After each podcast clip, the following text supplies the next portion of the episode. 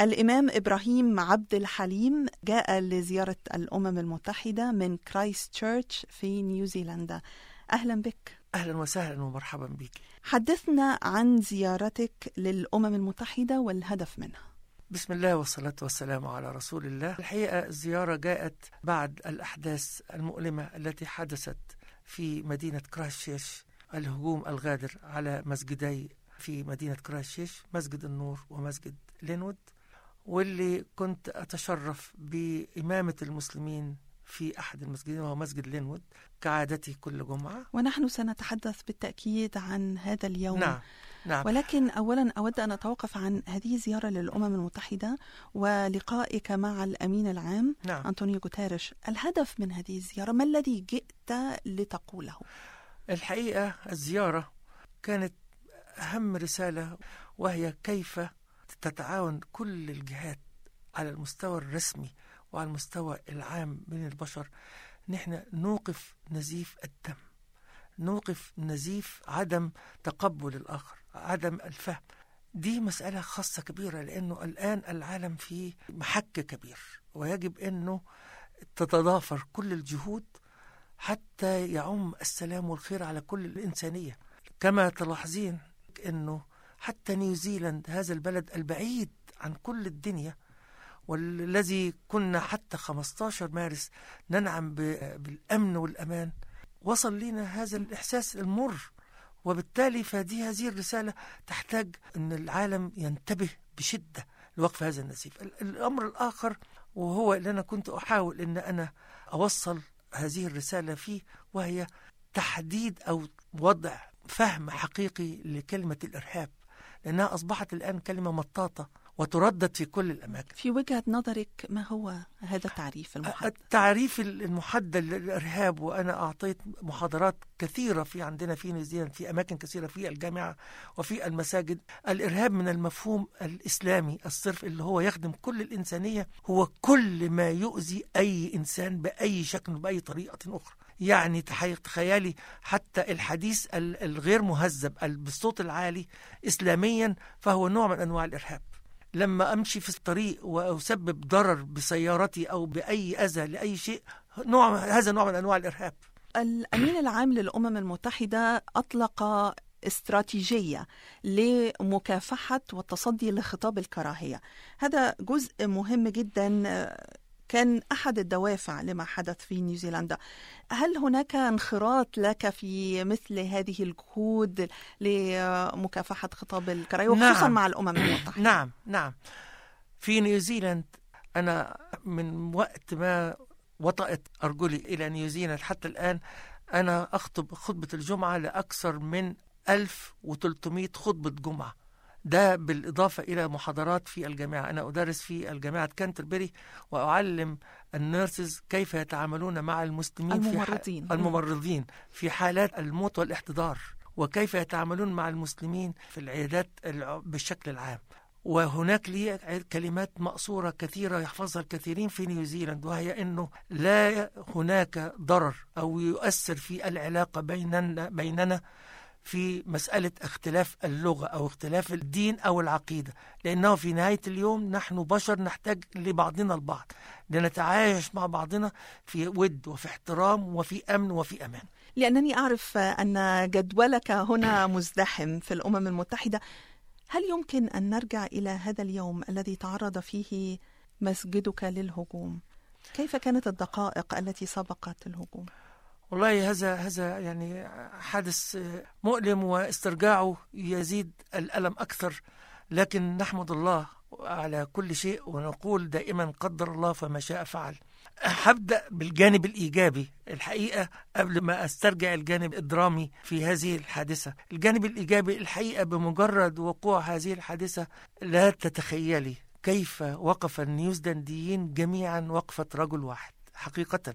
ودي شهادة لله أنا أقولها. كل النيوزيلنديين لأن ببساطة شديدة الكل حس وشعر بقيمة ما كنت أحدثهم فيه من أيام أو سنوات قليلة أو شهور قليلة أن الإرهاب لا يعرف لون ولا دين لا هو يمس كل الإنسانية يمس كل الإنسانية. وبالتالي نحن كنا في نيوزيلاند حتى قبل 15 مارس أفاجئك أن أقول في كثير من الأحيان كانت الناس لا تهتم بغلق الأبواب. البيوت لأننا نعيش في منازل والكل يعرف بعضه البعض يعني. أمان جدا لكن بعد 15 حتى النيوزيلنديين الغير مسلمين بدأوا ينتبهوا لأنه الحادث فعلا جاء مباغت جدا. مر يوم الجمعة مثله مثل كل الجمعة. يأتي بشكل من الود والإلام ويعني مش عايز أقول شيء روتيني الناس تذهب إلى المساجد تصلي تستمع إلى خطبة الجمعة ففي هذا اليوم أنا ذهبت كالعادة وخطبت خطبة الجمعة وانتهيت منها ونزلت من على المنبر وبدأت في الصلاة وفي أثناء الركعة الأولى سمعنا صوت طلقات نار. لم ينتبه أحد ولا يتخيل إنسان في كرايستشيرش أو في نيوزيلاند أن هذه طلقات نار. لأنه كان للأسف الشديد المسجد لينوود كان له ممر driveway وكان في اثنين من, من الإخوة رحمة الله عليهم جاءوا متأخرين فكانوا يهرولوا حتى يلحقوا بالصلاة. وجاء هذا الرجل من خلفهم فكانوا أول الضحايا لأنه هو ضربهم جاء من الخلف وضربهم. لما حصل هذا الصوت ودخل المسجد طبعا لم أكمل الصلاة وانبطح الكل على الأرض. وكانت زوجاتي تجلس مع النساء في الخلف وكان ابني الصغير في الصف الثالث وأنا في الأمام في المقدمة وللأسف الشديد وزوجاتي أصيبت بطلق ناري مر من خلال ذراعها الأيمن إلى سيستر ليندا رحمة الله عليها وهي نيوزيلندية مسلمة من عدة سنوات قليلة لكن إسلامها كان يعني ربنا أحسن إسلامها وكانت لها حسن الخاتمة. حقيقة لأنها كانت يعني أكتف جدا نشيطة جدا ومتعاونة جدا وحاولت زوجتي أنها تنقذها تسحبها بعيدا عنه فأعطاها الطلقة الثانية مرت إليها من خلال ذراع زوجتي التي أصيبت ونقلت بعد ذلك إلى المستشفى وهي الحقيقة كانت المفروض تأتي معي لكن ما زالت تحت العناية لكن الحمد لله حالتها تحسنت كثيرا كثيرا كثيرا يعني الحمد لله رب العالمين هو كان يوم سيء جدا وكان صعب على كل الناس ما و- الذي مر بعقلك في ذلك الوقت؟ يعني كانت مفاجأة كبيرة لأنك جداً. ذكرت كيف كان الأمان في طبعاً، نيوزيلندا طبعا ما الذي فكرت فيه؟ والله يعني أنا كل ما دار في ذهن حقيقة هو كما لو أنه حلم طويل أو كابوس. لم يستطع عقلي أن يتقبل الواقعة كواقعة هجوم على مسجد. لم يتقبلها العقل. وخاصة أنه لم نسمع بعد عن ما حدث في مسجد النور المسجد الآخر وهو يبعد عننا بحوالي من ربع إلى 20 دقيقة بالسيارة. سمعنا عن هذا الحادث بعد ما الشرطة جاءت وأخذتني أنا وزوجتي وابني إلى الخارج وسمعت بقى من البوليس أن هناك نفس الهجوم حصل على المسجد الآخر. لكن بعد ما تأكدنا أن ال- الولد فر لأنه من خوفه وإحنا كنا محظوظين أن ال- الذخيرة خلصت فلم يستطع أن هو يضيف ذخيرة أخرى وهجم عليه أحد الأولاد عندنا في المسجد وبالتالي سقط من يده السلاح. وأنا صرخت في الناس قلت لهم لا أحد يلمسه حتى تأتي البوليس عشان نحافظ على البصمات يعني. لكن بدأت اتجول بين الناس نشوف المصابين وننقذ الناس. فلم يدر في ذهني اطلاقا أن يكون هذا هجوم إرهابي. م- مش قادر أستوعبها يعني. تحدثت عن رد فعل المجتمع النيوزيلندي وأيضا قادة نيوزيلندا. نعم. الجميع ذكر أنه كان مثالا يحتذى به. كيف تغيرت العلاقة بين المجتمع الإسلامي في نيوزيلندا وبقية المجتمع بعد ذلك الحادث؟ نعم. بداية الحقيقة يعني أسجل هنا من الأمم المتحدة كل الشكر والتقدير والعرفان بكل بساطة ووضوح لرئيسة الوزراء النيوزيلندية جيسيندا لأنها الحقيقة أثبتت أنها سيدة موقف سيدة موقف بجد بالرغم من صغر سنها ما شاء الله يعني لكن كانت سيدة موقف كانت قراراتها حكيمة وقفت بجانب المسلمين وقفة جيدة جدا جدا جدا. لم تبخل بوقت ولا بمجهود ولا بقرارات وبالتالي زادت محبتها. وهي على فكرة ليست من هذا الحادث فقط لكن هذا الحادث أظهر بشكل جلي وواضح مدى شجاعة وحكمة هذه المرأة صغيرة السن لكنها قوية وكبيرة العقل. سأسألك سؤالا قد يكون بعيدا قليلا عن نعم. الموضوع لكنه مرتبط إلى حد ما. ما الذي يمكن أن تقوله الآن لمن يقولون إن النساء لا يصلحن لأن يحكمن دولا وأن يكن على رأس حكومات ودول؟ هذا خطأ فادح هذا خطأ كبير جدا وفهم خاطئ لمفهوم الإنسانية ومفهوم الدين حتى على الأقل. ليس هناك فرق بين رجل وامرأة إلا بالعمل وبالإنتاج. وهذا ما يدل عليه حتى ديننا في كل في كل ال- ال- الأعراف. كل الآيات القرآنية تتحدث عن الرجل والمرأة. لا تتحدث عن رجال فقط ولا عن نساء فقط. في الأجر وفي الثواب وفي العقاب الكل سواسية أمام الله. وبالتالي في الحياة العامة أرجو أنه الناس تفهم هذا الفهم ويتغير هذا الفهم الخاطئ الخاطئ. الإنسان بقيمته في عمله في إنتاجه وليس بنوعه كذكر أو أنثى. نعود إلى العلاقة بين المجتمع الإسلامي وبقية نعم النيوزيلنديين نعم. ما الذي تغير؟ ما الذي اكتسبتموه؟ ما الذي ستحاولون نعم. البناء عليه؟ بداية أقول أننا في نيوزيلاند عموما وأنا عن نفسي أنا وأنا رجل خريج جامعة الأزهر وعشت في بلدي الأصلي مصر تعلمت فيها وشفت الإسلام لكني أقولها بصراحة ووضوح لم أشعر بطعم الإسلام الحقيقي إلا في نيوزيلاند ودي كلمة حق حقيقة لأنه لسبب بسيط أن في أي بلد إسلامي أنه لا يبذل الإنسان أي جهد بالنسبة لدينه. لكن لما بتروحي في مكان تاني مختلف فبيبقى في شيء من الجهد تبذليه عشان حتى تظهري. أنا في نيوزيلاند شعرت أنني في بلدي الأصلي مصر. بالعكس كنت أرى أن المجتمع النيوزيلندي يحترم جدا المسلمين ويتعاطف معهم جدا. بعد الأحداث زادت هذه العلاقة بشكل جيد جدا جدا جدا. أصبح الآن المتعارف في أي مكان مجرد الناس بتتوجس أو تعرف أن ده مسلم من نفسها بقت إلقاء السلام الطبيعي في كل المكان في في المركبات العامة في الطرق في المولات. السلام عليكم. في كل مكان والابتسامة في الوجه. ده شيء طيب وجميل وهي دي ما كنت أنادي به دائما وسأظل أنادي به أن العلاقة بين البشر كبشر هذا هو صلب الدين أي دين. أما ممارسة الأديان هذا حق مكفول لكل إنسان. أنت كإنسانة لك حق علي أن أنا أتعامل معك بكل احترام وبكل حب وبكل خير. وإذا احتجت مني شيء أساعدك. بغض النظر كونك أنك على نفس ما أعتقد أو في خلاف ما أعتقد. لو بنينا من هذا المنطلق حطينا هذا الأساس لن يكون هناك أي خلاف بين البشر وبعضهم وبعض. ذكرت أنشطتك المختلفة في نعم. نيوزيلندا. ما النشاط الذي تود أن تلقي عليه الضوء لنا الآن مما لم تذكره حتى الآن؟ الحقيقة الشباب وهدي الشباب في كل مكان في الدنيا. لأن أنا بأرى أنه الشباب هم المستقبل المستقبل لكل البلدان لكل الأديان.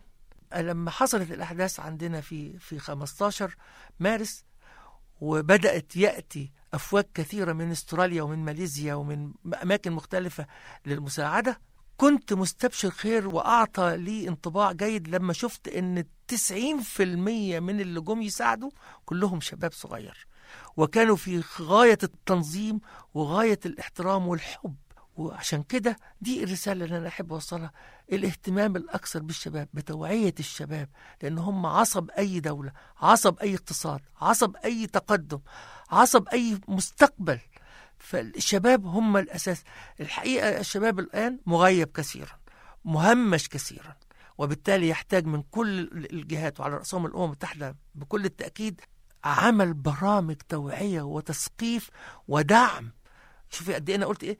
برامج توعية وتثقيف ودعم للشباب لأن هم دول هيكونوا الحجر الأساس أو حجر الزاوية في أي مستقبل إحنا بنتكلم عليه هل هناك أنشطة مشتركة بين أتباع الديانات المختلفة في نيوزيلندا أنت تشارك فيها أيضا؟ نعم أنا لا أترك أي مناسبة أو أي احتفال مع أي جالية أو أي مجموعة إلا لازم أشارك فيها. هل هناك مبادرة محددة مثلا بعد هذه الهجمات فكرتم فيها أو خطة معينة للمستقبل؟ إحنا اوريدي في خطة وضعت لكن دي هتاخد وقت. لكن حقيقة هناك إجراءات تمت. يعني من ضمنها مثلا عملنا احتفالات دعوة شكر لكل الجاليات اللي ساعدت أو كل ال leaders بتوع المجتمعات الموجودة في كرايستشيرش اللي ساعدونا في هذا الحدث الجلل. وعملنا لهم وكان اليوم باسم شكرا أو thank you for everyone. وكان في رمضان.